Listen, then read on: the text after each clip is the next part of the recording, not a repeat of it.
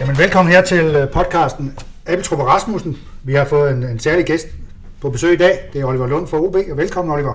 Mange tak. Du er lige kommet på din cykel i det her strålende solskin øh, direkte fra Ådalen, kan jeg forstå. Hvor I vel i virkeligheden har I trænet ned, ned i falen? Ja, det har vi, det har vi. Og ja, jeg, jeg kommer på cykel, øh, det er jo det er skønt hver dag.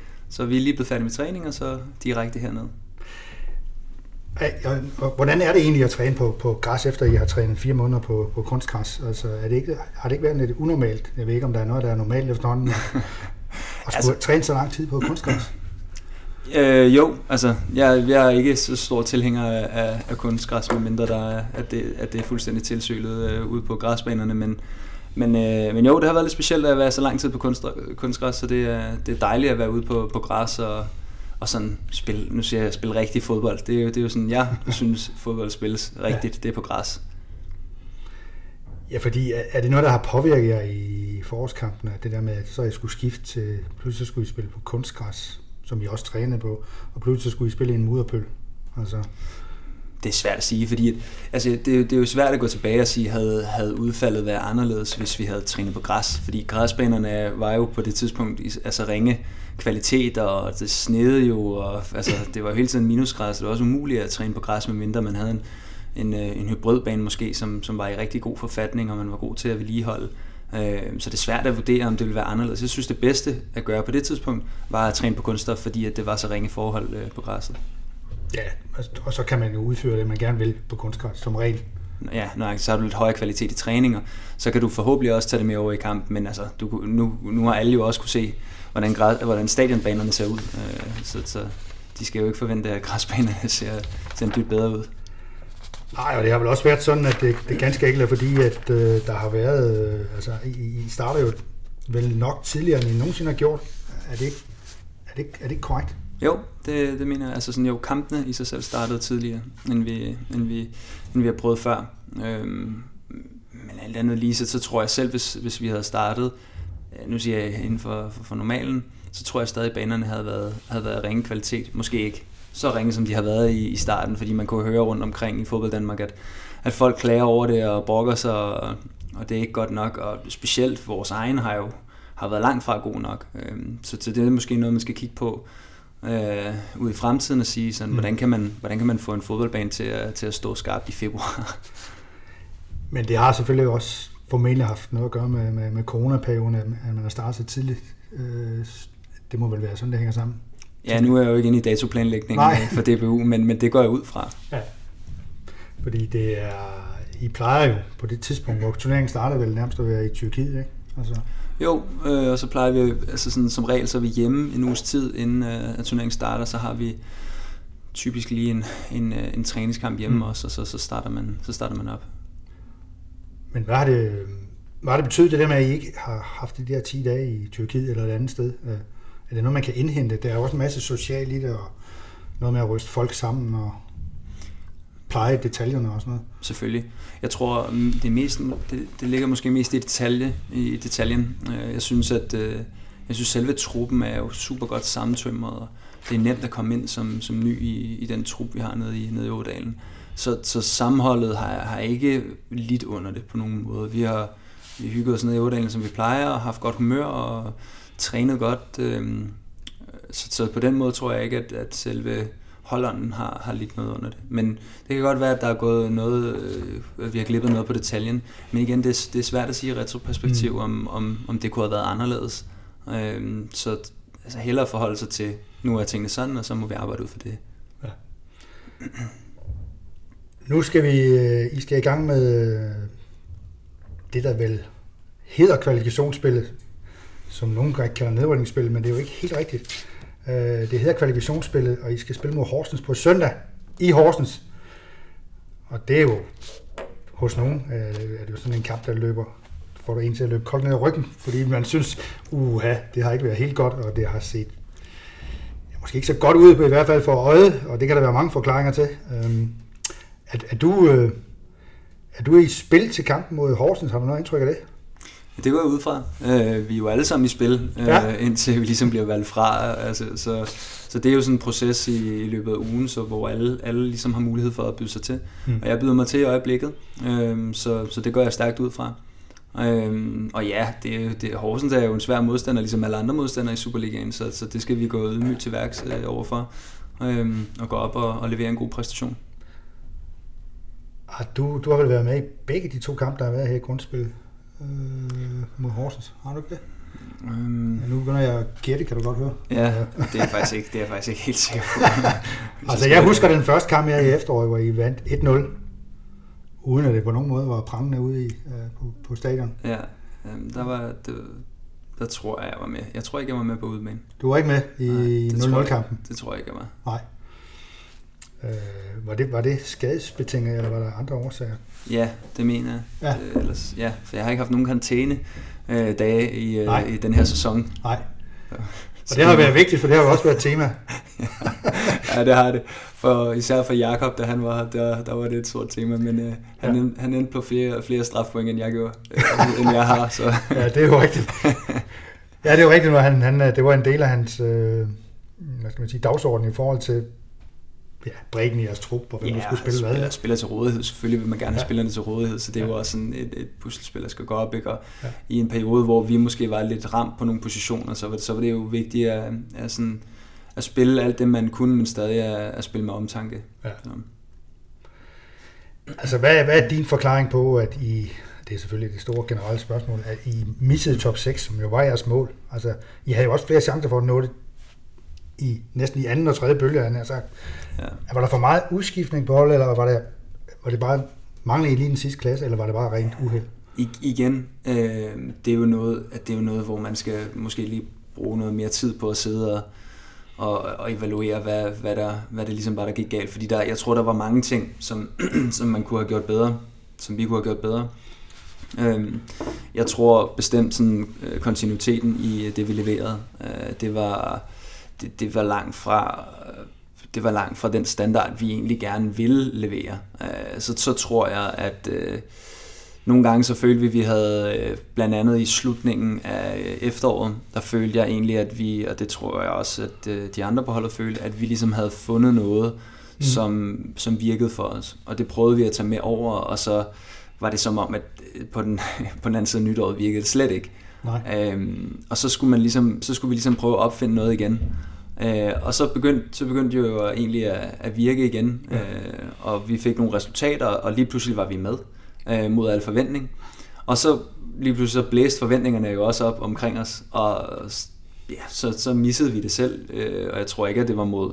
Nu bliver det lidt udslagsgivende, fordi at, øh, vi taber 3-0 til Brøndby på hjemmebane, øh, jo, jo. og Brøndby er den modstander, de er, men, men det var ikke Brøndby-kampen, vi ligesom tabte top 6 på. Øh, det tror jeg ikke, der er nogen af os, der føler. Det var ligesom nogle af de nogle af de andre præstationer, altså præstationer hvor, at vi, hvor vi ikke leverede. Og hvor altså vi ligesom, og Horsens. Og ja, for eksempel Sønderjyske ude Sønderjyske, ja. hvor vi har mulighederne, ja. øh, men ikke får puttet den ind, og øh, hvor vi egentlig øh, leverer en, en, en proper defensiv indsats, men, men, men ikke lige har det der held. Øh, og og det, det virker lidt vagt at sidde og snakke om marginaler hele tiden. Øh, men man kan jo se, at det, hvad er vi et point fra øh, ja. top 6 øh, sammen med to andre hold det er jo marginaler, det bliver afgjort på. Øh, og vi har ikke været gode nok til at opsøge vores held i, øh, i den her sæson, øh, lige så vel som vi ikke var i sidste sæson. Og det er selvfølgelig øh, ja, dybt beklageligt over for, for fansene og de interessenter, der nu er omkring OB, men, men vi er jo selv nok dem, der er, der er, der er mest ked af det, fordi det er os, der står og skal eksekvere, øh, eksekvere det ude på banen. Øh, og når det ikke lykkes, så, så gør det ondt. Altså jeg husker en mandag aften, for ikke så lang tid siden, hvor man sad og så øh, og det Lyngby mod Nordsjælland, ikke? Og hvis Lyngby havde vundet det her, så havde Nordsjælland i virkeligheden været i nedrykningsfare, ikke? Ja. Øh, så går der, så vinder de 3-0 måske endda på kanten af det fortjente. Mm. Og lige pludselig er de med og kommer med i den sædvanlige slutspurt. Altså, ja. det er vel... Der skal også være lidt tur i den, tænker man jo. Altså. Det skal der, og det er, det er jo fodbold, og det er jo det, er jo det fodbold også øh, nogle gange handler om. Du, det er svært at måle helt præcis hvor, at, øh, hvor kampene bliver vundet og tabt. Øh, nu har man expected goals, man måler på inden for nogle forskellige ja. parametre.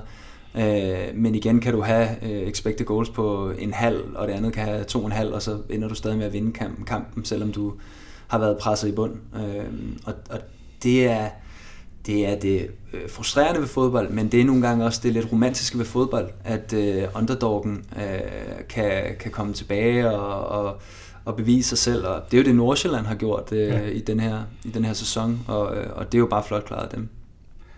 Så du helst, at Superligaen i virkeligheden var tilbage ved 12 hold, og så bare en lige udturnering? Hmm det er svært at sige, fordi der kommer jo, jeg kan godt se tv-mæssigt, at der kommer flere drabelige kampe, øh, ja. både på, på den ene og den anden, øh, i det ene og det andet slutspil. Øh, så på, jeg tror seermæssigt, tror jeg måske, det er den rigtige løsning, sådan som det er nu. Mm. Jeg tror stressmæssigt for fodboldspillere, så tror jeg, at det andet vil være, vil være, vil være mere øh, hensynsfuldt. Øh, men, mm. men igen, fodbold handler jo om at underholde. Ja. Og, øh, og vi skal gøre alt, hvad vi kan for at gøre fodbold øh, underholdende for, for dem, der ser fodbold. Så jeg tror faktisk, at det, at det er den rigtige konstellation, der er lige pt. Skal bare med i det rigtige slutspil. Ja, præcis. Så er det alt andet lige lidt sjovere. Ja. Der er også nogen, der siger, at det gør det sværere at integrere unge spillere. Det der med, at der hele tiden er ekstra pres på, og så vil træneren altid sige, at jeg tager, jeg tager ham den rutinerede der først i 30'erne og satser på ham, for jeg er ikke sikker på, at ham unge der kan klare det. Er der noget om det? kommer an på, hvilken træner du spørger. Ja. Fordi at, øh, jeg tror, hvis du spørger, øh, hvis du spørger Nordsjællands træner, så, så tror jeg ikke, at han vil være enig med dig. Øh, omvendt, hvis du, hvis du spørger en træner, der er tilhænger af erfaring øh, overalt, jamen så, så vil han jo være tilbøjelig med at til at være enig med dig. Så, så det, det handler igen om, om, om den opsætning, du har, og din, dine overbevisninger. Øh, jeg er selv af den overbevisning, at hvis du er god nok, så er det jo lige meget, hvor gammel du er øh, så, så skal du spille. Øh, ja. Og et bevis på det i vores egen trup er jo også nogle af, af de unge spillere, som, som vi har set øh, blomstre op øh, over de seneste år. Øh, Oliver Christensen blandt andet, som, ja. som bare går ind og, og har leveret for, for dag i dag. Øh, Mads Fryg her, også et eksempel på en, som, som har gået ind og, og også har underholdt, øh, både på ude for banen. Ja. Øh, så, så, så det er nogle, nogle typer, som går ind og tager enormt meget ansvar på banen, ja. og tager enormt meget ansvar også i omklædningsrummet, så, så de er jo unge, øh, og når de gør det sådan, som de gør det, så er de gode nok, og så bør de også spille. Nu er du selv inde på det, det der med, med, med Mads Fryg her. Han har et eller andet, som folk godt kan lide. Er, er der sket noget i fodboldverdenen hen i retning af, at man skal, man skal kunne sælge varen på andre måder, end bare at levere godt på banen? Mm, nej, jeg tror, jeg tror, det er forskelligt. Altså, skal man bare være sig selv? Ja, jeg tror egentlig bare, at du skal være dig selv, og Mads han er bare sig selv. Altså, han er, han er ikke øh, så kontroversiel, som han måske bliver gjort til i medierne. Uh, han er faktisk super stille og rolig. Ja. Uh, men Mads han, og Mads, han siger sin mening. Altså, det gør han også uh, på holdet. Mm. Og det, det er det, som, som gør ham rigtig god at have en trup. Altså, fordi det er godt med, med mennesker, der siger deres mening og giver udtryk for deres holdninger. Uh, det beviser bare, at de, de har noget, nogle, nogle værdier, som de står ved. Ja. Øh, og det har Mads bestemt, og det skal han bare blive ved med. Efter min mening, og så er der jo andre, der vil have en anden mening. Men efter min mening, så synes jeg, at han, han gør det rigtige ved at, ved at fortælle verden, hvem han er. Også når han øh, gør, gør det til en, øh, et, et, et, et, en udfordring, for eksempel det der med hans tape og benskinner og sådan noget. Altså, det, det er vel fint nok, at han også gør det. Altså fortæller, hvad er det her for nogle regler, vi spiller efter. Ja, jeg tror, jeg tror tit og ofte i forhold til nu, lige præcis med, med den tape-situation, der var i, i sidste kamp, hvor han får et gult kort. Ja. Øh, der står der nogle dommer, der skal tjekke det før kampen, som ikke giver ham besked på det. Og det er jo deres ansvar. Så der synes jeg jo... Ja, de skulle have tjekket det før kampen. Ja, det mener jeg. Og ja. i situationen, sådan som jeg har forstået det, så bliver hans, øh, hans øh, strømpe også trådt ned. Altså hans skinne bliver også ja. trådt ned øh, og at han får et gult kort på det, det er jo sådan, ja igen så spørger han jo, altså han stiller jo spørgsmålstegn, men det der tit er i kampen, det er jo, at bølgerne går højt, og når der er en, der stiller sig kritisk eller stiller spørgsmålstegn, mm. så har dommerne nogle gange en tendens til at, at vende ryggen til at gå deres vej, i stedet for at tage dialogen. Ja. Øh, de rigtig dygtige dommer, de tager jo dialogen på en savlig måde, og så kommer de hurtigt videre, eller siger, lad os tage den efter kampen, eller i pausen, ja. og kommer videre, øh, sådan så der igen kan være fokus på fodbolden. Øh, fordi det er trods alt det vigtigste. Men er der også det der element af, at ja, Sjælland og Københavner er mere indstillet på at sige nogle ting, end, end, end de der lidt for sagte fynboer, der kan være indimellem? Er der noget om det? Nej, jeg tror mere, det, jeg, jeg tror egentlig, om du er, om du er jyde, øh, Fynbo og, og, eller københavner, ja. så er vi jo alle sammen mennesker, og vi har alle sammen vores værdier og vores principper. Øh, og at man giver udtryk for det, det er nok ikke et udtryk for, om du fra den ene eller anden stavn. Det er nok mere et udtryk for, hvem du er som person. Ja. Øh, så jeg tror mere på, fordi der er bestemt også fynboer, der siger deres mening. Ja. Øh, så, så jeg tror mere, det er et udtryk for, hvilken person du er. Øh, og, og der er Mads øh, nok, altså der er Mads jo bare en person, og han er så tilfældigvis, øh, hvad hedder det, københavner, ja. men øh, han siger sin mening. Så han skal egentlig ikke puttes ned i en kasse, der hedder Vestegnsdreng, nødvendigvis. Nej, det synes jeg ikke. Mads er Mads, og øh, Mads, har, Mads har været rigtig mange år på, øh, på Fyn og i Odense, så, øh, så han er vel efterhånden øh, halv Fynbo, hvis ikke øh, tre kvart Fynbo. Ja. Så, øh, så altså, Mads er, er, er sin egen, og det skal han bare blive ved med at være. Hvad er, øh, hvad er målet for den her, det her kvalifikationsslutspil? Det kan vel ikke være andet end plads 7, som jeg ser det? Eller hvad? Jo, jo, altså det, det, vi skal jo, jeg tror i første omgang er det, altså skal man, skal man måske være ops på at tage en kamp ad gangen. Øh, ja. Fordi at sådan, sådan, så tæt som, som det nedrykningsspil er blevet, øh, så er det vigtigt at holde fokus på den enkelte kamp. Men det er jo klart, at, øh, at vi vil da gøre alt for at få den syvende plads. Øh, både for vores egen skyld, men også for, for byens skyld. Øh, vi hungrer nok alle sammen efter noget mere end at, at kæmpe om nedrykning og være slut, i, slut midt i tabellen. Øh, og vi har været, nu siger jeg, at vi har været tæt på to år i, i træk, øh, for det har vi jo reelt set, men, ja. øh, men vi har flunket den lidt to mm. år i træk, mm. øh, så, så det kunne da være fantastisk, hvis vi kunne øh, gå ud og levere en, øh, en kontinuerlig, øh, kontinuerlig øh, forår her i, øh, i kvalifikationsslutspillet, ja. og så øh, få den syvende plads, og så banke os selv i Europa. Det kunne da være en, en fantastisk øh, underdog-historie. Ja.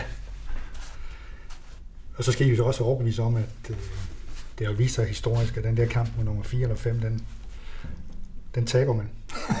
og det er, og det er jo egentlig, det er jo egentlig øh, meget sigende omkring øh, niveauforskældet, der er ja. i, øh, fra, øh, fra nedryknings- eller fra kvalifikationsslutspillet og til mesterskabsslutspillet, fordi du møder alt andet lige nogle hold på, på et højere niveau.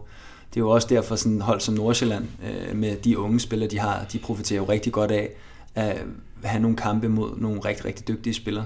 Øh, og ikke dermed ikke sagt, at... Øh, Nej, og så skal de ikke spekulere på at rykke ned. Eller Nej, præcis. De kan spille helt frit, ja. og de kan gå ud og udfordre, de kan være fremadrettet, øh, og de kan spille uden, øh, uden den der stressende nerve, ja. der kan være i, i de nedrykningskampe der. Ja. Men det er vel også, øh, man kan vel sige, at Nordsjælland har vel et, et andet syn på, hvordan man vinder, forstået på den måde, at I vil, I, der er vel større pres på jer, end der når Nordsjælland spiller om et resultat. Altså fordi OB, det er Odense, det er en byens store klub, men Nordsjælland, det er jo ikke fordi, de bliver overrendt af tilskuer. Altså. Nej, det er det ikke. Der er klart et større tilskuerpres øh, ja. i OB, end der er øh, hos, hos Nordsjælland. Ja. Øh, men, men historisk set i, øh, i det 21. århundrede har, har Nordsjælland jo gjort en, en god figur. Øh, så, så igen, jeg vurderer virkelig, at øh, efter min øh, mening er Superligaen så tæt, at det er svært at skulle... Altså, det er svært at have nogle hold, som du har virkelig lave forventninger til. Alle hold forventer, når du kan noget, og ja. synes, de fleste hold i Superligaen har, øh, har rigtig gode trupper og rigtig gode spillere. Øhm, og, og så handler det om, en, igen, det, det bliver så vagt, men de der små marginaler, ja. ligesom at være detaljeorienteret i træning og være detaljeorienteret i kampene, være god analytisk og, øh, og komme ud med et udtryk om, og en energi om, omkring at ville vinde, vinde kampene. Øh, det, det tror jeg kan bringe en rigtig, rigtig langt. Og jeg skal jo, det her det skal jeg jo spørge om, eller det vil jeg også gerne spørge om. Ja. Hvordan ser din fremtid ud, altså fordi din kontrakt udløber til sommer? Jamen min fremtid er jo egentlig lidt uafklaret. Ja. Øh, øh, I forhold til processen har det været, har vi snakket sammen i, øh, i starten af december øh, sidste år, om, øh, om at, at vi egentlig skulle snakkes ved i, øh, i slut januar og start februar. Ja. Øhm, og der har så ikke været nogen dialog siden december. No. Øhm, så i forhold til, hvordan man, hvad man ligesom skal, skal udlede af det, det, det, det ved jeg jo ikke noget om. Men, øh, men jeg er nu engang også sådan, at øh, jeg elsker at spille fodbold, og jeg elsker at komme til træning. Jeg elsker specielt at komme ned i Ådalen. Det, ja. det er blevet noget specielt for mig, har været noget specielt for mig længe. Så jeg nyder bare at være her, jeg nyder at spille fodbold. Men jeg tænker jo også, at jamen, ho, altså, du, skal jo, du skal jo sørge for at have et job her 1. juli, så du må da være sådan lidt på stikkerne, øh, tænker jeg. Nej, jeg er, ikke, jeg er ikke så nervøs for, at jeg ikke har et job. Øh, det er jeg ikke. Øh, så altså, ja, i forhold til at være på stikkerne, så, så tror jeg mere sådan, jamen, der skal nok komme, der skal nok komme noget, og der, der er der helt sikkert også en masse ting i gang. Øh, mm. Jeg har jo, det er jo ikke mig selv, der er ude og, og, og sprede ringe i vandet. Øh, det er det jo, hvad kan man sige, internt, men, øh, ja. men min agent arbejder jo også på, på nogle ting, øh, sådan så sådan så man ikke står fuldstændig tomhændet. Øh, og det har jeg stor tillid til, at han, øh, han kan klare den opgave. Øh, så altså, det er jeg egentlig ikke så nervøs for. Nej, fordi så vidt jeg ved, er det en af de erfarne i det game, du ja. har til at hjælpe dig. Ja, det er det. Kan man vist roligt sige. Ja. Som vil også har spillet bak på et eller andet niveau. Ja, det må man sige. Dygtig, dygtig mand. så har jeg ikke sagt uh, navnet heller. uh, men, men, men du er vel du er vel faldet godt til i Odense, og jeg ved ikke, læser du stadigvæk? Ja, jeg er færdig til sommer. Ja. Så, øh, så jeg er fuld gang med mit øh, afsluttende projekt. Øh, det trækker noget. og hvad er det for et projekt? Jamen, det er, det er egentlig et ledelsesprojekt, øh, som jeg skriver alene øh, som sådan et skoleprojekt. Øh, og det er, ja, det er meget spændende at have lidt ved siden af fodbold, øh, ja. hvor man kan gå og man får lidt nogle, øh, nogle andre perspektiver, end man gør i hverdagen øh, nede i Ådalen. Så, så, så jeg synes, det er meget sundt. Øh, det er i hvert fald meget sundt for mig. Ja. Øh, og det, det nyder jeg også. Øh, og nu er det jo den sidste tid, så, så det, det er om også at, at tage, det, tage det sidste ind. Ja. Øh, så det, jeg ser frem til at være færdig, men det er også en lille smule øh, vemodigt. Ja. Og, altså, hvor meget har du brugt øh, tid på det i, i løbet af en uge? Altså, hvor meget?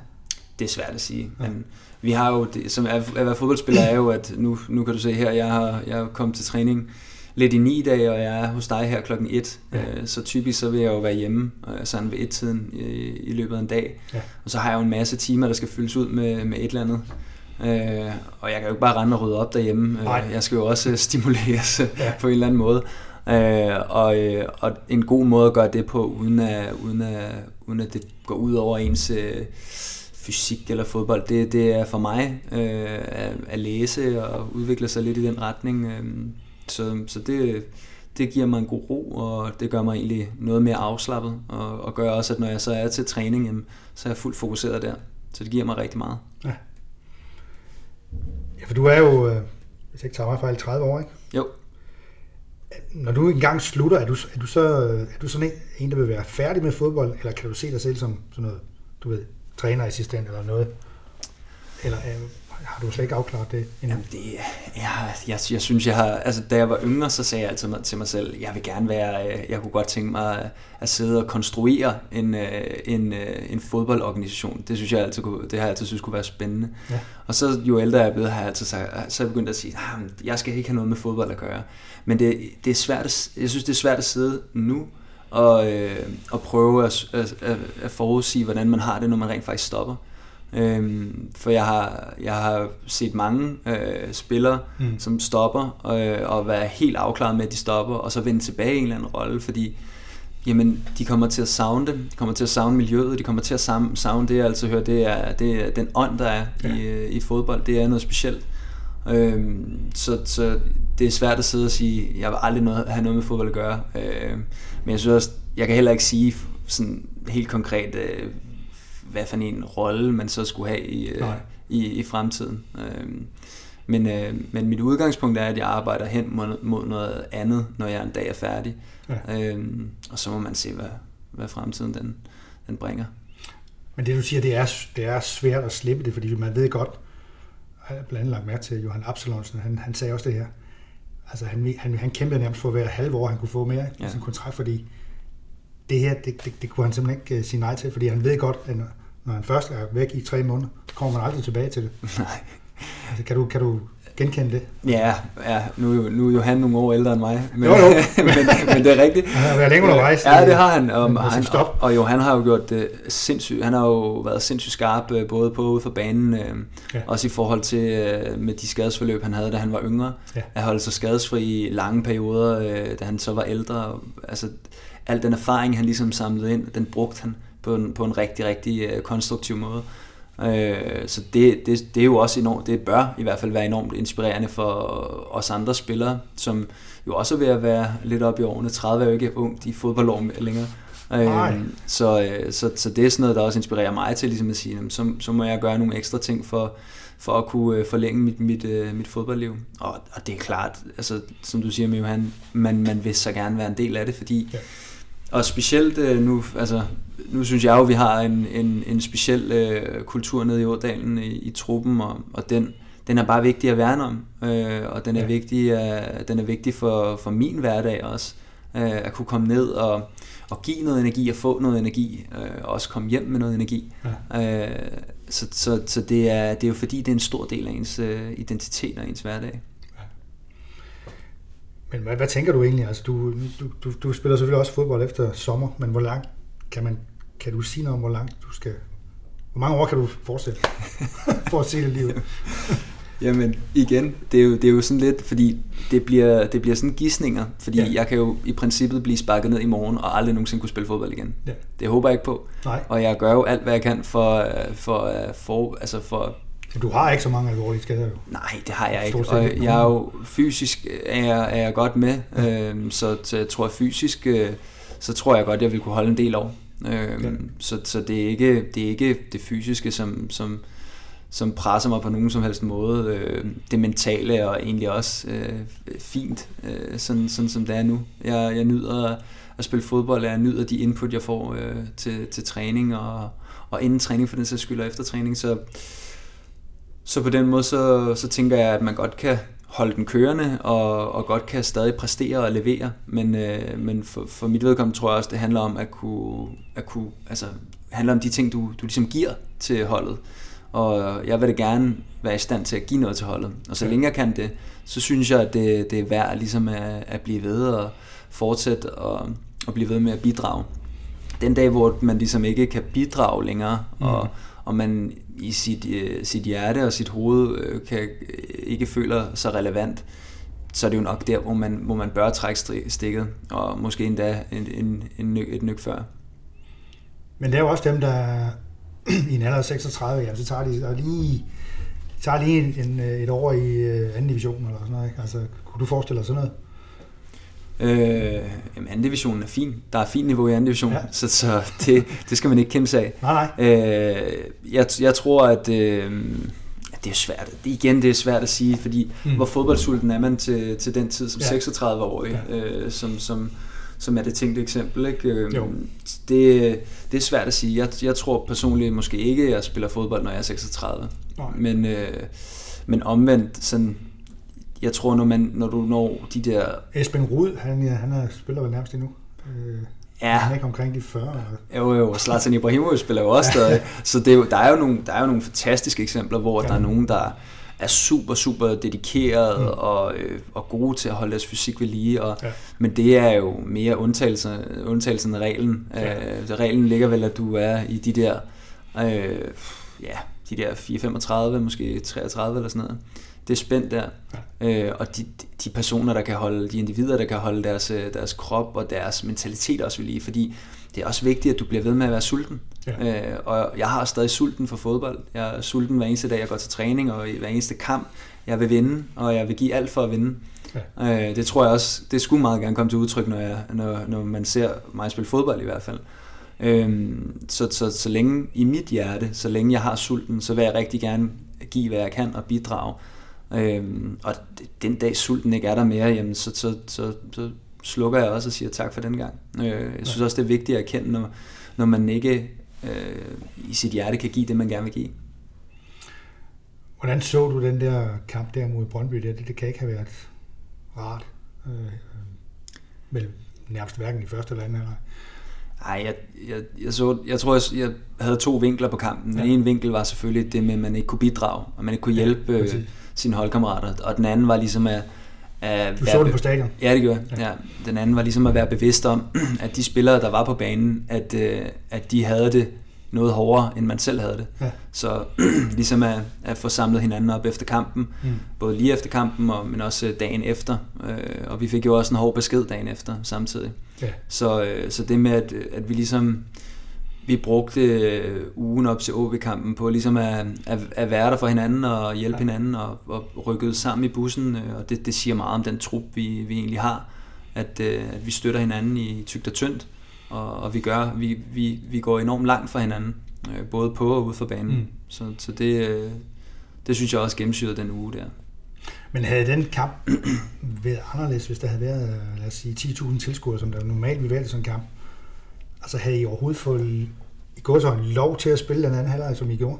Altså det der med, at man ligesom har affundet ja. sig med tingene, og at Brøndby bare spille den rundt. Ja, og igen, det, det er jo sådan en, det er jo sådan en what if, altså sådan, det, ja, ja. det, det, det, Men du det, kender godt det USA ja. publikum, altså. Ja, det gør jeg, og, og jeg kan sige, øh, da vi, øh, men, jeg har haft rigtig mange gode minder på Odense, ja. på Odense Staten. Har mange gode minder på, på, på Nature Energy Park. Ja. Og også mange rigtig dårlige minder. Ja, ja. Fordi det er der at, også jo. At det, er, det er jo det der med, sådan, at der bliver for langt noget, altså ja. der bliver krævet noget af dig.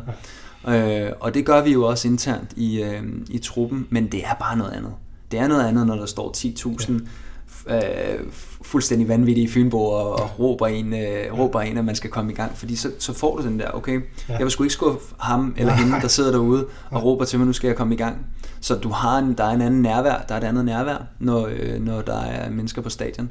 Øh, og, og jeg tror, i kampens hede, så tror jeg, at... Øh, at når du kigger tilbage på sådan en kamp, hvor du, hvor du har tabt 3-0, og der ikke har været nogen tilskuere, så tror jeg mere, det er efterfølgende, at du får de der der sidder altså også nogen derhjemme i stuerne og kigger, øh, som, bliver, som formentlig har kastet fjernbetjening ind i skærmen på et tidspunkt, ja, ja. og sparket til en stol eller et eller andet. Ikke? Øhm, ja. Jeg kan også huske på et tidspunkt, jeg, jeg tror vi spillede mod Randers, en udebanekamp, hvor jeg havde besluttet mig for, det var før corona vel mærke, ja. at nu vil jeg gå ud og, og se den på en af de øh, lokale barer. Ja. Øh, så jeg satte mig ud der på baren og satte mig ned bagved. Okay. Og så kunne jeg jo lidt høre den, den jargon, der ligesom er ja. øh, omkring det. Ikke? Og, og der er enormt meget kritik. Men det er også berettiget, og det skal der være, for vi skal levere, og vi skal præstere. For vi gør det ikke kun for os selv. Nej. Det er jo øh, det er for klubben, for byen, for altid. Ja. Øh, og det, det skal også skinne igennem, når vi, øh, når vi spiller mod de hold, vi spiller mod, at ja. vi, vi vil simpelthen vinde, og ikke kun for os selv, men for, for os alle sammen. Ja. Men man siger jo også, det siger de i hvert fald mange af de der fans der, jamen man er altid man er altid bekymret for en kamp. Altså man er ikke fuldstændig overbevist om, at det går godt. Man er altid bekymret, fordi så, ja. så, så kan det gå godt i sidste ende. Ja, og det, altså, det kan jeg egentlig godt sætte mig ind i. Fordi, og det, og det, er jo, det, det tror jeg, hvis de, hvis de taler med, øhm, jeg tror hvis de taler med, med mange andre fans rundt omkring i, i fodbold Danmark, så, så tror jeg også, at de vil, de vil høre, at det, det lidt er det samme. Øh, og det er nok mere et, øh, et udtryk for, at Superligaen er, er en enormt stærk liga, ja. hvor at, øh, der er rigtig mange hold, øh, der ligger i, øh, i det der midterrum, som, som vi jo ligger i og har ligget i noget tid. Ja. Øhm, der er vel en, en seks hold eller sådan noget, som ligger og kæmper om de midterpladser, og der er vi et af dem.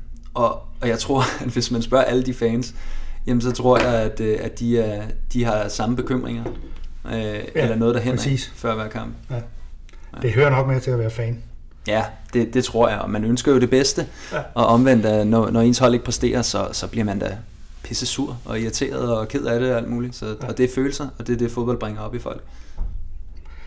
Jeg skal spørge om, øh, nu trådte Michael Hemmingsen til som, som træner, øh, og vandt så kampen i, i Aalborg sammen med, med holdet, ikke mindst jo. Øh, hvad, hvad, har, hvad har ændret sig?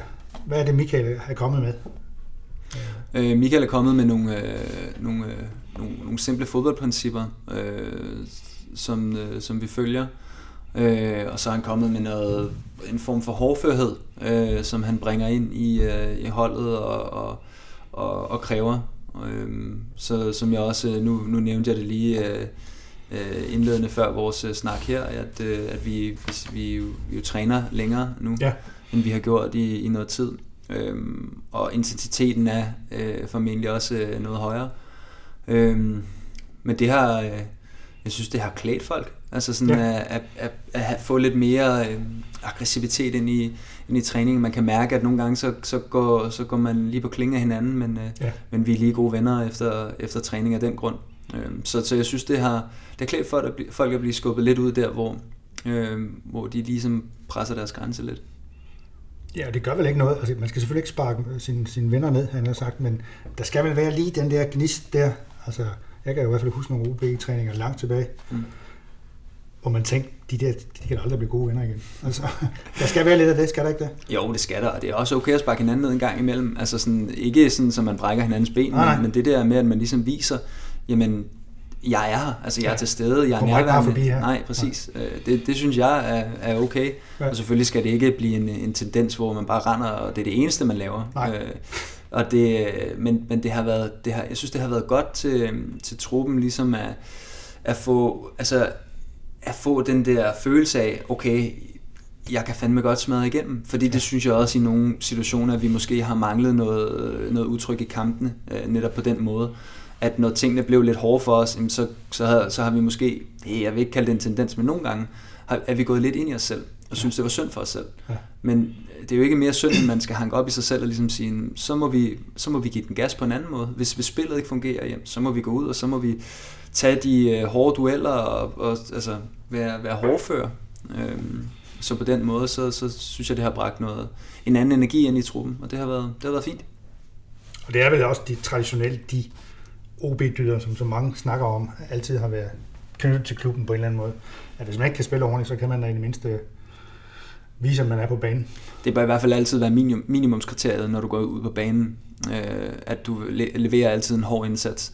Ja. Øh, og om du er offensivspiller eller forsvarsspiller, eller om du er målmand, jamen så, så, gør, så, gør, du, så gør du det som minimum.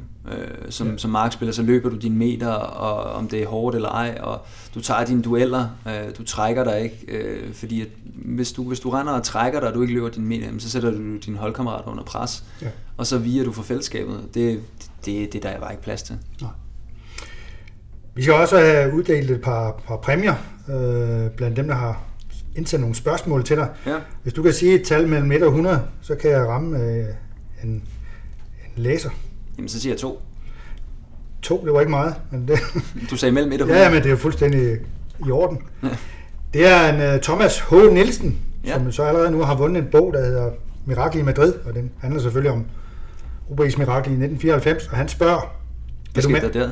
Hvad for noget? Hvad skete der i 1994? Ja, jeg mener, at OB slog øh, Real Madrid, jeg ved ikke, der var du jo Ej, ja, ikke ret gammel. Vi, vi, har, vi har haft meget om det ved klubben, så det er godt.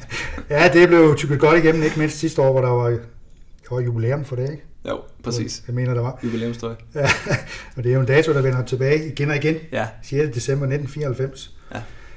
Og den hviler som et tungt å over efterkommerne jo. Øhm, han spørger, kan du mærke en forskel på de yngste i truppen og jer lidt ældre spillere i forhold til vindermentalitet? Hvad man er villig til at ofre? Vilje, har man viljen til fight? Ja, det må han mene, det må jo være, at øh, ja, han spørger egentlig, om de yngste har samme vindermentalitet som I andre. Sådan som jeg ser det. Ja, ellers tror jeg ikke, det vil være en del af, af, af, af, truppen. Nej. Jeg synes, al, jeg, synes jeg, jeg har virkelig været øh, positivt overrasket over de uh, unge mennesker, der er kommet op i førsteholdstruppen. Uh, når man er ung og kommer op, så, så kan man godt nogle gange have en, en tendens til ikke at være sit fulde jeg, hvis man kan sige det sådan. At du lægger lige lidt låg på dig selv, fordi at, uh, at, at man skal være ydmyg og sådan noget. Men jeg synes, at, at det er en misforstået ydmyghed. For jeg synes godt, du kan gå op og være 100% dig selv, og samtidig være, være ydmyg. Og det synes jeg faktisk, der er mange øh, af de unge i OB, der gør. De går op, og de, de giver rigtig meget af sig selv ude for, for træning, øh, eller øh, når vi ikke træner. Ja. Øh, de tager enormt meget ansvar, når vi er på banen. De er lydhør, og de dirigerer. Øh, og så er de heller ikke bange for, Øh, sådan ligesom Christian Vestergaard, jeg kan huske hans første træning, der, øh, ja. der stempler han mig ned af hele skinnebenet. ja. Og så siger, han, øh, så siger han undskyld, og så sagde jeg til ham, at øh, hvis han gjorde det en gang til, så vil, vil jeg øh, klippe ham, eller et ja, eller andet i den ja, stil. Ja. Og det var, meget, det var bare et meget fint udtryk for, han var sgu ikke bange for at gå ind og, og, og, og, og tage fra. Altså, Nej. Han, han gik til den og, og var kompromilløs, og det synes jeg skulle fint. Ja. Øh, og selvfølgelig får man igen, men Men det er bare en, øh, en god måde, fordi ydmyghed, det skal, det skal komme øh, via, igennem det hårde arbejde. Ja. Og det skal komme igennem den indsats, du lægger for dagen. Ydmyghed, ydmyghed er ikke, at du kommer op i en trup, og så går og er duknakket og kigger Nej. ned i jorden og er en undskyldning for dig selv. Det er misforstået ydmyghed. Det synes jeg også, jeg har kunne se på Christian Vestergaard. Det er også de kampe, han har været med i, at øh, er sgu ikke bange for at, at sparke nogle af de andre ned, hvis det skal være. Altså Nej, i, i, i overført betydning, ikke? Mm. Altså, Vestergaard, han trækker, jeg har ikke set ham trække sig fra en tackling endnu. nej. Han, øh, han går helhjertet ind i alt, hvad han laver, og kæmpe kado øh, altså for det. Det, det. det synes jeg er fedt, og det samme gør de, de andre unge. Altså, jeg kunne tage, vi kunne tage alle sammen, altså blandt andet nu har vi snakket om Frø og Oliver Christensen. Øh, man kunne tage Max Fenger, øh, Hans Christian Bernard, altså sådan, de er Mikkel Hyllegaard, der, der, der er rigtig, rigtig mange gode eksempler, også nogle af dem, som ikke er en fast del. Ja. Øh, Robin og, og Brams, øh, de går bare op, og de, øh, de, trækker, de tager fra. Ja. Og de, øh, de giver, hvad de har. De er lydhør. Øh, og så, så er de der jo, de skal jo også huske, at de er der jo, fordi at de har et talent. Ja. Men de skal jo dyrke det talent, og de skal altså give noget af dem selv. Ja. Både, øh, både på banen, men også, øh, også ude for banen. Og det, det synes jeg der er rigtig, rigtig mange, der gør. Så skal vi have trukket den, øh, den anden præmie, øh, og det er jo øh, jeres OB's udbanetrøje. Øh, så du kan vel sige et tal mellem 1 og 100 igen. Så skal vi. Jamen, så siger jeg nummer 99. Nummer 99. Det er Søren Mainz, som jo er en stor... Jamen, han er, følger nogle gange jeres træning, øh, så Ja. jeg ved. Øh, han spørger, hej Olli, kan du forklare, hvad der er forskellen på OB fra første gang, du var i klubben, og til nu? Øh, jamen, jeg kom første gang i 2015, øh, da Kent Nielsen han kom til. Ja. Og, øh, og Kent havde jo nogle, nogle, en meget, meget øh, øh, rigid fodboldfilosofi, øh, som var rigtig, rigtig fin langt hen ad vejen. Øh, Rigid, det lyder næsten lidt negativt, men... øh, Rigid er mere et udtryk for, at, øh, at den var fast. Altså, Ja. der, han rykkede jo ikke for sin... Så det er mere, øh, det er mere et udtryk for, at det var en meget fast øh, fodboldfilosofi. Øh, så jeg synes ikke, det er negativt. Nej, nej, det er bare lige for at ja, selvfølgelig.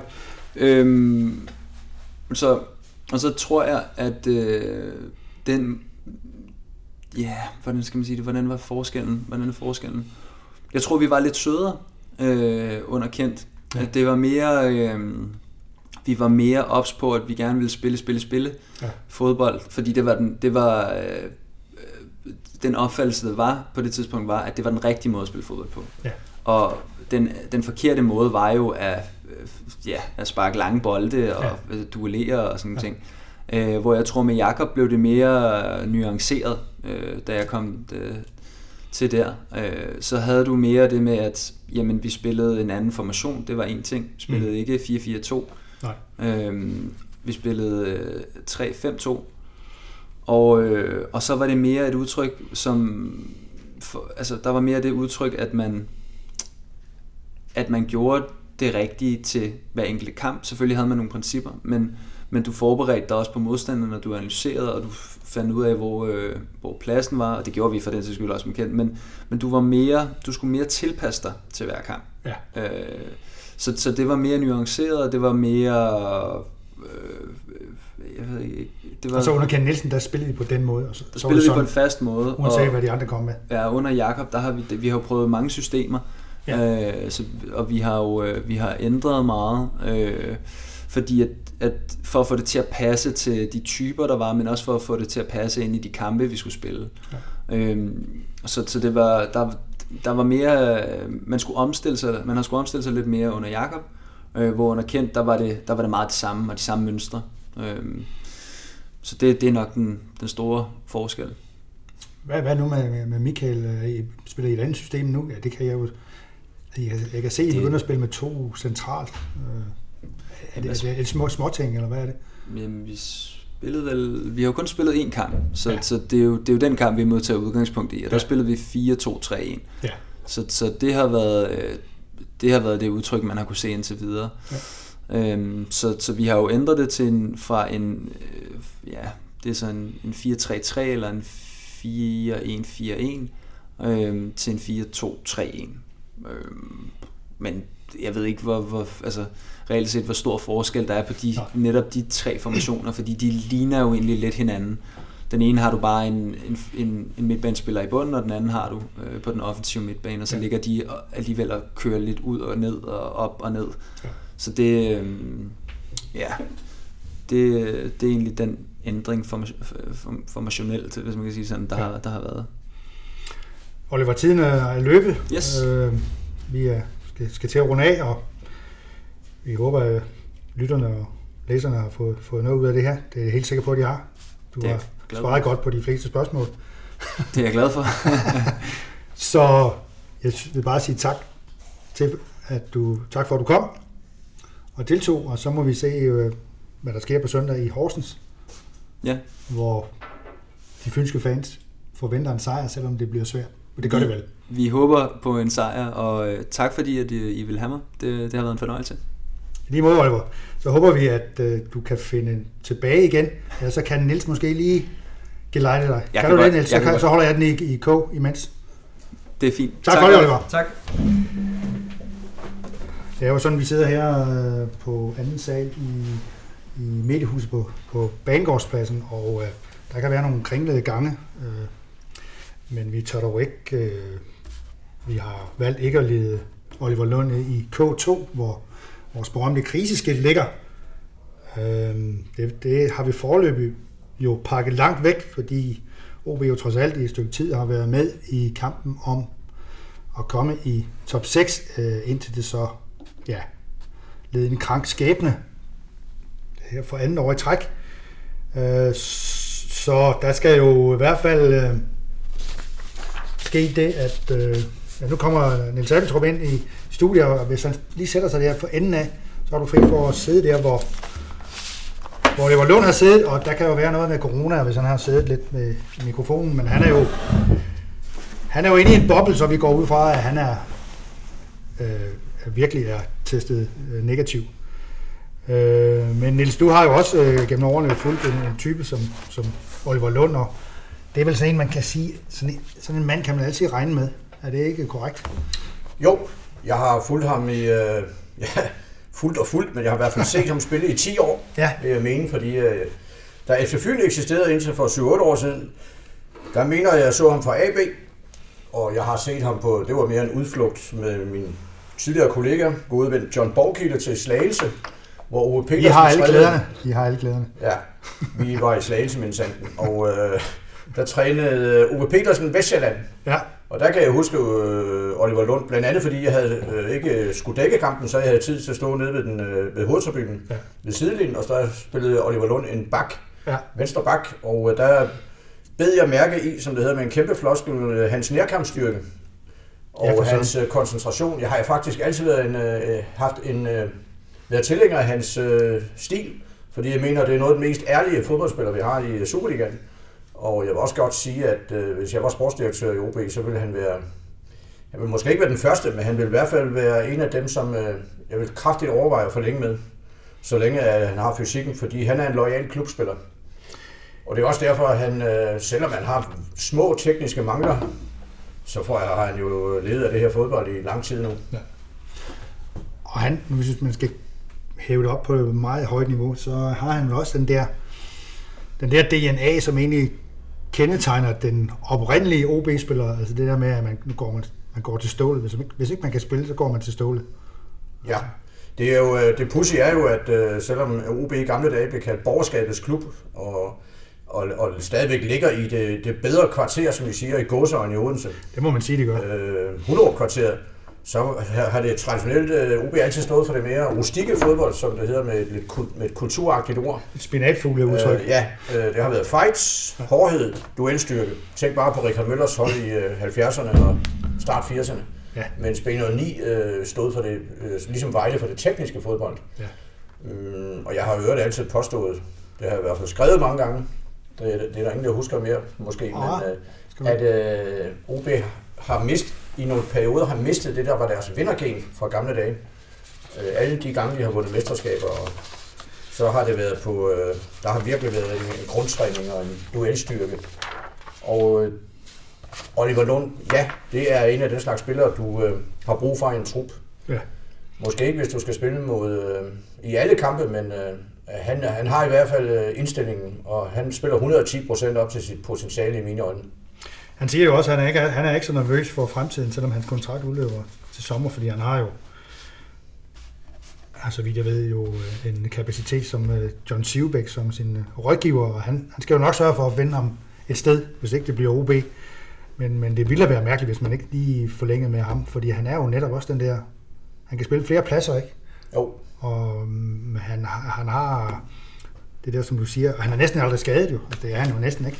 Altså, det, det betyder vel også noget, at man har sådan en, en type, der aldrig er skadet. Jamen, det bunder jo i, at han, øh, han har en, øh, en stærk fysik. Ja. Det kan man jo se øh, alene, når han går ud af bladhuset her. Jeg var vist ham ned ad trapperne, øh, på afstand selvfølgelig, at han er atletisk, og øh, det giver nogle plusser øh, til sådan nogle spillere. Han er tydelig en, tydeligvis en, der har passet sin træning. Og øh, om han så er 30 eller 31 eller 32, øh, så længe han er skadesfri, så vil han kunne klare sig på de fysiske parametre. Øh, og de andre øh, små øh, småting, han mangler, det er jo den finere teknik, når, der, når det skal gå stærkt. Ja. Men øh, der har han jo også via træningslivet øh, øh, lært at udbedre i høj grad. Det er jo derfor, han har fået så mange kampe. Ja.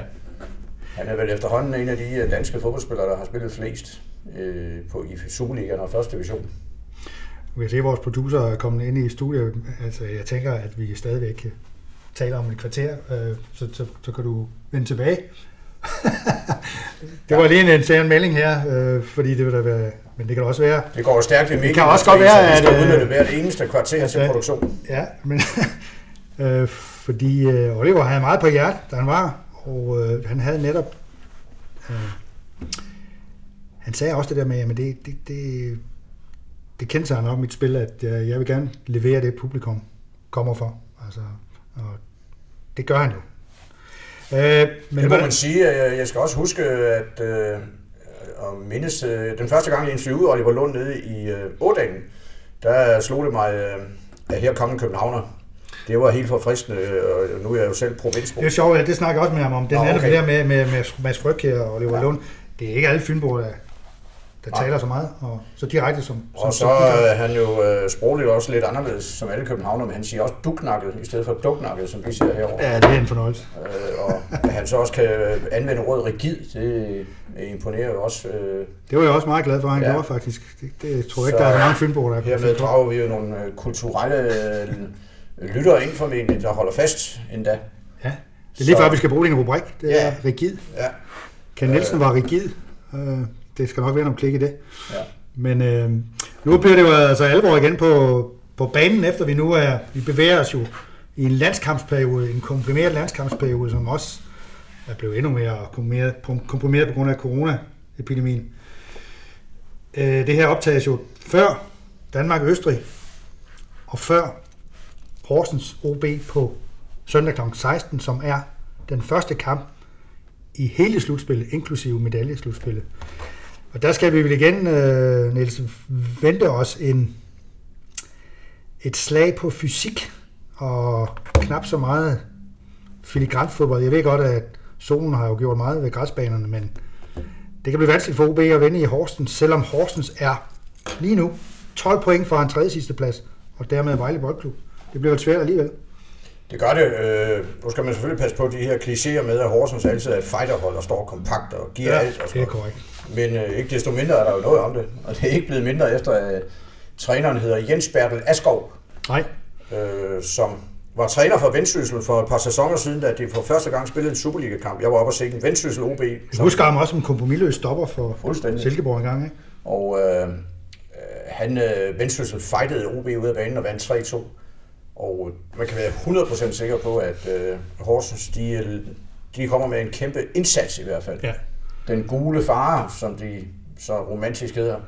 Og øh, ja, man, det er en af den slags kampe, man næsten kan se for sig øh, på forhånd, og man bliver, man bliver sjældent naret. Jeg har haft mange, mange oplevelser på godt og ondt i Horsens Idrætspark, som det hed i gamle dage. Ja. det er to af de kampe i grundspillet med, med, med OB på den anden side, som har vagt en vis furore blandt fansene, fordi det har ikke set ret godt ud for øjet, noget af det. Hverken den kamp, som OB vandt 1-0 i, i Odense, eller 0-0-kampen i Horsens. Det har ikke været en af de kampe, hvor man tænker, hold op, hvor må det have haft mange seere på Discovery. Nej. Altså, det, det, det, er, det er jo sådan, det har været. Øhm, men Oliver Lund, han sagde jo her, at øh, der er sket det under Michael Hemmingsen, at de simpelthen træner længere. Okay. De træner næsten to timer, og det, der er kommet en hård gangart, og øh, det blev mere intenst, og man har lov til ikke at sparke folk ned. Nu, strammer jeg måske hans øh, ting og sager, men vis mere af sig selv, og ikke være bange for at skralde igennem. Det er, kan det være vejen frem for, til bedre resultater, Niels? Altså, så længe man vinder fodboldkampe, så er alle trænere jo fremragende. Og øh, Michael Hemmingsen har været træner i en kamp og vundet. Ja, så han har så trænet syv timer hver gang, så ville det være genialt, så længe de vinder. Ja. Øh, lad os lige se øh, de næste, øh, lad os lige se de her 10 kampe i øh, slutspillet. Ja. Øh, men ja, der er der ingen tvivl om, at Michael Hemmingsen har sine principper. Han er jo i den grad øh, en mand, der kender sin fodbold. Ja. Og, øh, en mand, hvad, er han præget, hvad er han præget af, tænker du? Michael Hemmingsen, jamen, han, er, han er jo præget af Kim Brink. Øh, ja. Så han er også en, en instinktiv fodboldspiller. Han var jo en formidabel øh, teknisk øh, forsvarsspiller, som var uheldig med at være på toppen, da Lars Olsen var libro og vel også i Høg. Øh, ellers har han spillet mange landskampe. Jeg tror faktisk ikke, han fik en. Det var ikke engang, han var, han var på bænken i en kamp. Fik han noget ligalandshold over i USA? Ja, jo, der var jeg med over i øh, ja. San Diego, men øh, på A-landsholdet øh, blev han ikke skiftet ind. Det kunne man jo godt have gjort for at give ham nålen, som det hed ja. i gamle dage. Ja. Øh, men det var en hel generation omkring øh, EM-landsholdet. Ja. E, det, der var han var med derovre, da Per Petersen scorede. Per Petersen, som det hedder på fynsk, ja. Øh, scorede fire gange mod øh, USA. Og i øvrigt øh, reddede budgettet for min tur. Vi var to kollegaer, i, der tog til Kalifornien i 14 dage. Det var jo furore, furore hedder det, blandt kollegaerne. Ja. Men øh, det blev betragtet som genialt, da Per Petersen scorede fire gange. Og så er det jo med journalistik. Man skal var, tage nogle chancer. Det var godt set. Ja. Øh, det var det virkelig. Og øh, Michael Hemmingsen, jamen, han, er jo, øh, han har jo også haft Viggo Jensen. Han har, haft, øh, han har måske også han har haft Roald Poulsen. Han har, yeah. han har haft mange. Og han har også været i Randers og Sønderjyske som træner, så han har vel taget noget af det bedste fra alle hylder. Ja.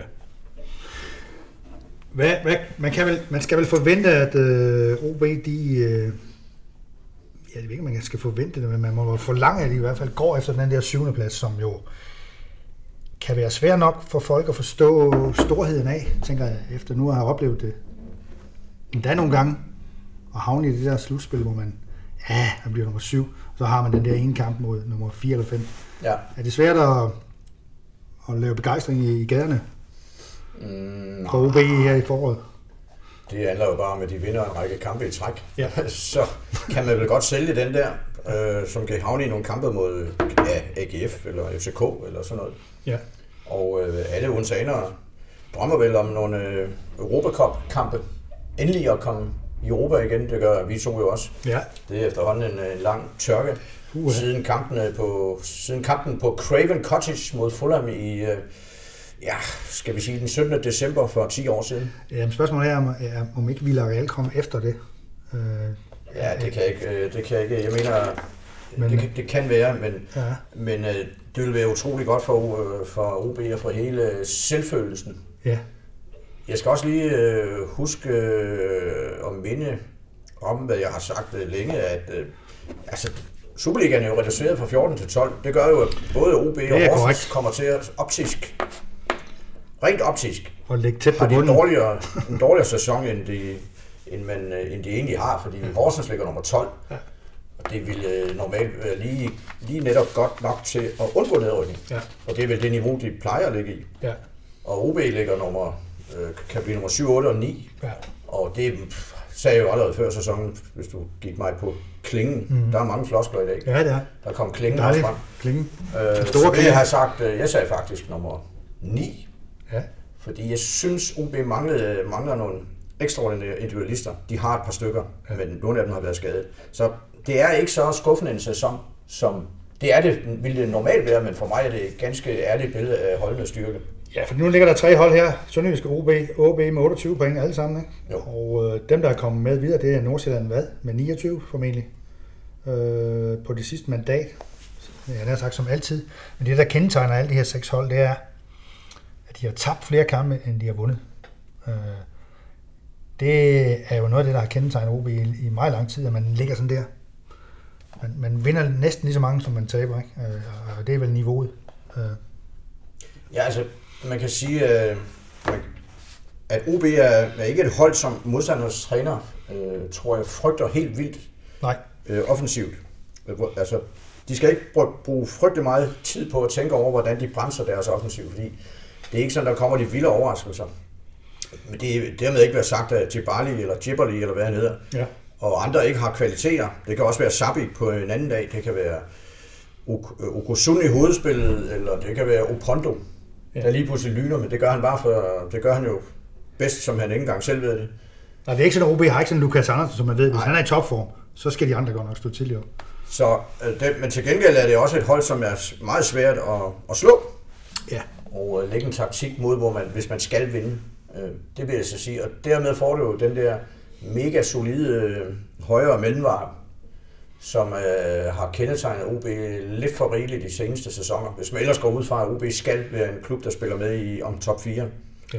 Og det skal, den, skal OB jo, for ellers er der ingen mening med hele galskaben. Hvis ikke det er ambitionen.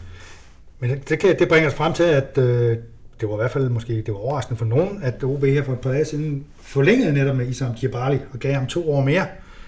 Altså, for mig er det vel et udtryk for, at øh, ham betragter de som en af måske to-tre øh, i gåsøjne.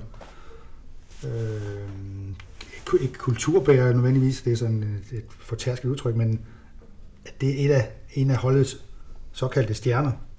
Ja, det er det. det, det, det, det men, men det viser han vel også, når, når solen skinner og græsset er planet og sådan noget, så viser han også de kvaliteter. Det gjorde han faktisk også op i Aalborg. Han scorer det en, og han lægger op til det første med at sætte en mand af nede ved baglinjen. På grund af en simpel sparkefinde. Øh, det skal man også. Det, det, det, må man vel sige, at det, det, det er de ting, han kan.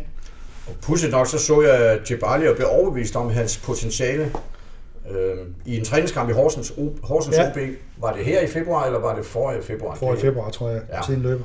Der, der imponerede han mig helt vildt, som det hedder her i Odense. ja. Altså, han skubbede den væk med en lejende lethed, og han driblede og vendte og skød på alt. Ja. Fantastisk. Øh, hvis det var normen for hans øh, kampe, så ville han jo slet ikke, så ville han jo være solgt for længst. Nej. Øh, han har jo også spillet for Rosenborg i Trondheim. Han har spillet for Elsborg, hvor ja. han vel nærmest var i top 2 i Sverige. Elsborg var helt med fremme. Men det er, så, jo det, man, det er jo det, man siger om ham. At der er nogle kampe, der ligner han en million, og andre gange ligner han ikke en million. Ja, øh, han har så også haft nogle småskader. Man kunne håbe, at han ja. sætter en, en sæson sammen efter sommerferien, men uh, han må gerne starte nu. Han har jo sådan set kvaliteterne. Det kan også være, at nu kommer foråret her igen, ikke? og de vil hvad hedder det, planere nyt gas på Nature Energy Park fra, fra maj. Og det er jo sådan nogle ting, der kommer ham i møde, jo, skulle man mene. Øh, men, men hvordan vi vurderer jo også på Baskim Kadri, eller Kadri, eller hvad vi kalder ham, mm som jo, og det kan man sige i bagklogskabens klare lys, måske kom for hurtigt i gang, og efter, som jeg forstår det, øh, øh, end ikke er i spil til kampen mod Horsens på søndag, fordi han var ikke med i en træningskamp, der blev arrangeret der for nogle dage siden med B-holdet. Øh, og det må man vel øh, vurdere derhen til, at øh, nu vil man ikke sætte pres på Baskim Kadri mere lige i forløbet. Nej, altså det vil være helt normalt, at Baskim, jeg nøjes bare med at kalde ham Baskim. Det er fint. Øh, først er på toppen, og de skal i træningslejr i Skagen her i juli. Det skal de så desværre ikke mere, som de gyldne dage. Den er tilsandet, den kirke der. Det var, det var fantastiske ophold for ja. Fyns Stiftelses og øh, ja. øh, Amtsavisens øh, udsendte medarbejdere. Det var nemlig mig. Ja. Øh, der var en fantastisk huspianist på Color Line Hotel, kan jeg huske, hvor man kunne sidde og skrive, mens man... Han, de tror, han har trange kort nu, har han ikke det? Jo, det tror jeg, ja. desværre. Han må gå hvileløst rundt i klitterne ved den tilsendede kirke, som du siger. Men han kunne spille mange numre. Det kunne han. Ja. Vi øh, blev faktisk, vi fik mange gode samtaler. Og musik? Ja, og ja. hvis øh, man har i går i arkivet, så kan man se, at det, det lykkes mig indimellem at citere fra flere af numrene, fra flere af klassikerne, så kommer man jo ligesom i gang i artiklerne. Nå, det var et sidespring. Ja, men, men øh, vigtigt sidespring. Det vil være helt normalt for Baskim, at han øh, først kommer i form der, for han, han kom jo fra, var det Saudi-Arabien? Eller hvor ja, Al-Fateh eller sådan noget. Al-Fateh. Ja. Og har vel, spillet, havde vel ikke spillet siden oktober, da han kom til OB. Siden slutningen af september. Så um, han skal lige have et forår her. Ja, jeg kan ikke rigtig regne ud, hvorfor, de, for, for Jacob Kiesen lige pludselig bragt ham. Øh, men det, der må han jo have været han må have set lidt forkert til træning, altså fordi det, var ikke, det er ikke meget, han bidrager med i de minutter, han har været inde i de to kampe. Han havde måske brug for et, et ekstra øh, moment, som Baskim ja. altid kan bringe. Ja. Det, det tror jeg også. Han følte, at det var ved efter kampen i Vejle og sådan noget, der var, det, det så ikke så godt ud. Han har jo den sære egenskab i moderne fodbold, at hvis bolden falder til hans venstre ben, ja. så er der ofte mål. Ja, lige præcis. Han sparker præcist. Ja. Og øh, ja, målrettet for selvfølgelig. Ja. Det kan han. Ja. Og øh, dermed er der jo tegning til noget ja. efter sommerferien, det har vi sagt før. Men med, med Jibali og Baskim og hvad de ellers kan finde på, til at supplere den, øh, de, de mere fysiske spillere. Ja. Der er også en masse fryg her, som har lov til at tage endnu et spring i udviklingen. Lige præcis.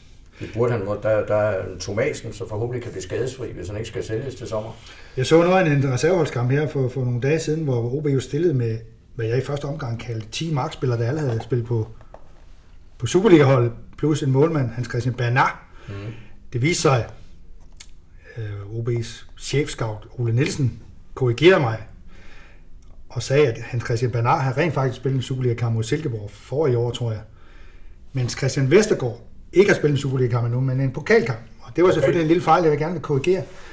Uh, det skal jo ske med alle de linjer, du skriver. Ja, det skal ske jo, og Ole Nielsen han holder øje med hver en uh, tog, der bliver krummet. Mm. Uh, der, der, det var jo en forfærdelig kamp for OB, og de tabte 4-1 til Sønderjyske.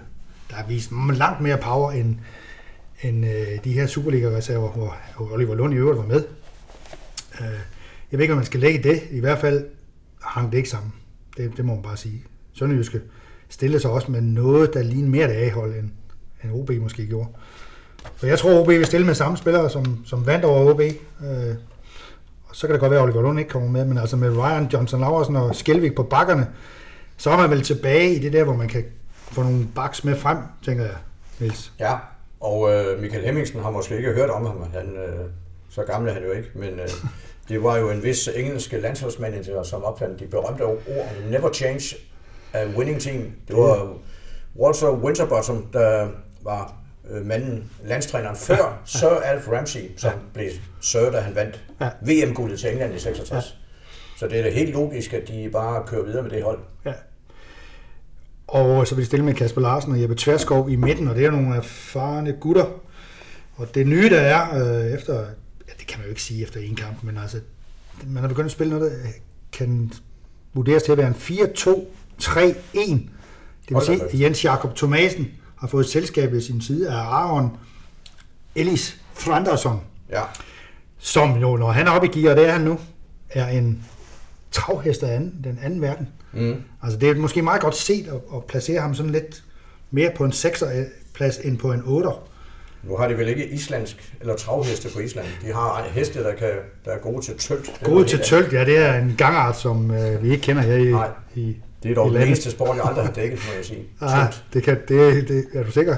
Ja, nej. Men jeg har dækket ponyridning, Jysk Fynske distriktsmesterskaber i uh, Dalum Rideklub en gang. Det var, det var en oplevelse. Det må, være det, læserne, det må være det, vi kalder et nedslag i vores dag. Ja, der lærte jeg blandt andet, at det, det kan være tragisk at være en international øh, stjerne for en pony, fordi hvis den vokser en halv centimeter for meget, jamen så er den færdig. Så er den jo ikke pony mere. Det, det lærte jeg, det er det eneste, jeg husker på den, på den visit. Det er en detalje. Han har en fysik, som er helt fantastisk, det er klart. Det, det, så hvis du siger, at han er på vej, så er han jo på vej. Ja. Fordi der har nemlig været blandt øh, fans og sådan noget, de har været en lidt kritik af ham for at være sådan en rubrødspiller, man, man kaldt ind. Men når han er oppe i gear, så, så er han altså, han kommer overalt på banen jo. Altså, det, Men det har OB jo faktisk flere af. Altså, ja. de har også uh, Okusun. Okusun, som er kommet lidt ud. De har også stor fysik. Ja, Okusun har jo ikke været med fra start de sidste 5-6 gange. Jeg kan ikke rigtig finde ud af, om at de, altså, om de vil gå lidt væk fra det der med at spille efter Okusun, eller er det bare en tilfældighed, at han ikke er med lige nu. Det er, det er jo en svær øvelse nogle gange, hvis man ikke vil hvis man har Okusun med, så skal den op i luften en gang imellem. Mm. Og det er jo en afvejning. Nu spiller man med Kløve lige foran Aaron Thranderson og Jens Jakob Thomasen. det er vel også en ny opfindelse, at Kløve ligger lige der foran. Ja. Han, han og kommer til at ligge lige bag ved Djibali. De fleste træner vil øh, automatisk sætte øh, en spiller som Troels Kløve på, på, i, på det her, i det her lag i Superligaen, fordi ja. han, om ikke andet, så bringer han jo et ufatteligt stort løbepensum og en boldsikkerhed, som OB også har brug for. Man kan jo ikke bare leve af islandske fightere. Nej. Uden at, uden at se ned på det. Men altså, man skal jo have det her mix, og med Thomasen og Kløve, der får man vel det. Det, det, det skulle man mene. Og det er jo heller ikke, fordi OB øh, ikke har et talent, der kunne have spillet Superliga nu, hvis han havde undgået skader. Øh, det siger jeg, fordi jeg så jo ja. i Horsens OB, den omtalte kamp, træningskamp, ja. en februardag, der så jeg en Tarik Ibrahimovic, du må rette mig, hvis det er fantastisk fodbold. Det skal finde i pausen. Han svævede jo rundt simpelthen. Han øh, lavede ikke en fejl i anden halvleg. Men og der tænkte jeg, det der, det bliver en coming man ret hurtigt. Men han har jo været hindret lidt. Ja, han er, han er stadigvæk lidt, lidt hindret af skader. Han var faktisk med i den her træningskamp mod Sønderjysk, og der må jeg sige, at der har han er et stykke vej nu. Mm. Altså, det er lidt synd, fordi han har det der, du siger, at han kan se ting, som andre ikke kan se. Altså, han kan udføre det. Han kan lægge bolden hen, hvor han vil. Ja, altså, det er det gamle ungarske princip. Ja. Bolden er hurtigere end manden, det kender han. Ja. Og Eller det... som Otto Rehagel sagde, Ball und Gegner laufen lassen. Ja. Vi kommer godt rundt i verden i dag. Ja, ja der var, ja, hvem var det egentlig, jeg lige hørte for nylig, der sagde, at bolden er hurtigere end manden. Og det, det... Jeg kan ikke være Puskas, han sagde det, men uh, det står i hans bog, ja. som kan anbefales for ja. Det er grundlæsning. Det, det er det ganske enkelt. Og ja, så Mads Fryg er jo rigtigt. Han er kommet ind i, på holdet igen, og uden at rode for meget op i ting og sager, så må man jo, altså på vandrørene talte jo konstant om, der var nogle divergenser mellem Jakob Mikkelsen og, og Frøkær, men, øh, men de er i hvert fald ude af verden nu, eftersom træneren ikke er der mere. Og Frøkær viste lidt mod Aalborg, noget lidt af sit gamle jeg, uden at være helt op og ringe. Han gjorde sig mest bemærket ved at, ja, det er jo noget med, at han har sine benskinner lidt lavt ja. i strømperne, og det giver jo anledning til ting og sager i en tid, hvor dommerne lægger mærke til, kunne hjælpe med alt muligt ting. Han er jo også københavner, han er jo... Han er i den grad københavner. Der er ikke bange for at stikke lidt ud. Han er efter fire minutter fik han at vide, at han skulle have noget tape på, og ja. det er jo egentlig sådan noget, dommerne skulle have sagt til ham før kampen, hvis man skal være helt krakils. Og så igen i anden halvleg, så får han en advarsel. Fordi så hænger så er benskinnen igen for lav. Og der siger han så til dommeren, jamen det er jo fordi, jeg lige har været nede i en glidende takling. Okay. Så der var lidt uh, turbulens der, og der satte han så en dagsorden den efterfølgende. Han synes, at dommerne skulle finde frem til en fælles uh, linje. Det er ikke nemt at være dommer i vores dage. Nej. Det er ikke nemt at være taxachauffør, for at citere Dan Torell. Vi er, vi, er, vi er jo også fra en tid, hvor de spillere, der rendte rundt med, med, med strømmer ned omkring anglerne, det var ofte var dem, der var sjovest at se på. Ja. Kan, man, kan man ikke sige det? Kan vi nævne nogen, Niels? Ja, jeg har selv gjort det på et tidspunkt i meget fjerne dage. Det var da du var hurtig, så det de når aldrig hurtig som en uh, nordfynsk lægekat, som også hedder en Havalin. Der var du. Men uh, det holder man hurtigt op med, når man har været ude for en skovhuggertakning op i Krogsbøl en søndag formiddag. Ja, så skal man have benskab. Man kom glidende hen over det fugtige græs. Så skal du nærmest have nogle tonstykke bøger i. Ja. Men, øh, men det, det, ja, vi husker jo Finn Laudrup, ikke? Altså, jo. Så Lerby, ikke? Jo. De... Ja, det var jo frygtindgydende, når han, men man bævede jo lidt, når han kastede sig ind i, med, ja. med uh, uden benskinner, ja. Ja, det var, det, det var en helt anden tid, det var det, det sjove. Men Laudrup, det, han kunne gøre det, fordi de, ham kunne man ikke fange. Nej, det var som om, man stod op hele tiden. Ja. Ligesom Brian Laudrup og Michael Laudrup. Ikke? Og jeg kan høre det anbefale at gå på YouTube og se Danmark, eller Norge Danmark 05. Det var hvis de 67, hvor Erik Dyrebrug scorer fem mål. Ja. Øh, der kan man se, hvordan Finn Laudrup, han strøger bolden. Ja, jeg ser en skærende aflevering op gennem midten til Dyrebrug. Og har, har slet ikke været klar over, hvor genialt øh, de afleveringer kom. Nej. Der ser man Laudrup-familiens øh, gener. Og øh, det er også til at bruge den slags øh, afleveringer i Horsens, men det er nok ikke det, vi kommer til at se lige på søndag. Nej, det mener jeg heller ikke. Selvom øh, igen er vi over i klichéerne. Måske kan man håbe på, at baneforholdene er sådan, at UB's øh, trods alt større tekniske kunde slår igennem. Ja, fordi jeg lavede med til den sidste kamp i Horsens, der havde Jens Jakob Thomasen det svært på den bane der. Ja. Og det kan være, at han bliver løftet lidt af, at der trods alt har været noget solskin, og de har haft 14 dage til at passe og pleje græsset. Øh. Og vi skal vel også minde om, at øh, nederlag til OB kan blive giftigt, fordi at, det ved jeg ikke, om vi har talt om, men Lyngby får jo besøg af Vejle. Du kan jo godt vinde den kamp, så er der lige pludselig kun 5 point mellem øh, Lyngby og nummer næst sidste og OB, så vidt jeg husker. Du må korrigere. Ja, nu er du ude i noget her. Altså, ja. Horsens har 12, Lyngby har 20, Vejle har 24. OB har 28, ikke? Ja, OB har 28, ikke? Altså man kan roligt sige, at Horsens... Jamen, altså jeg siger Lyngby... Nej, nej, jeg, jeg forhold til Lyngby, du har fuldstændig ret. Ja, ja, ja. Altså Lyngby er ikke ude af det her, især fordi de vil have det stærkeste formmæssige af de her seks hold. Mm. Altså vidt jeg ved, ligger de på forårets tabel nummer to eller tre af samtlige hold. Ja, skal OB to gange. Det skal de. Det er jo seks point, der skal ned. Man kan godt råde, de skrive det til at og i første omgang kigge ned. Ikke? Ja. Det giver også en, øh, en sund indstilling til kampen. Det gør det nemlig.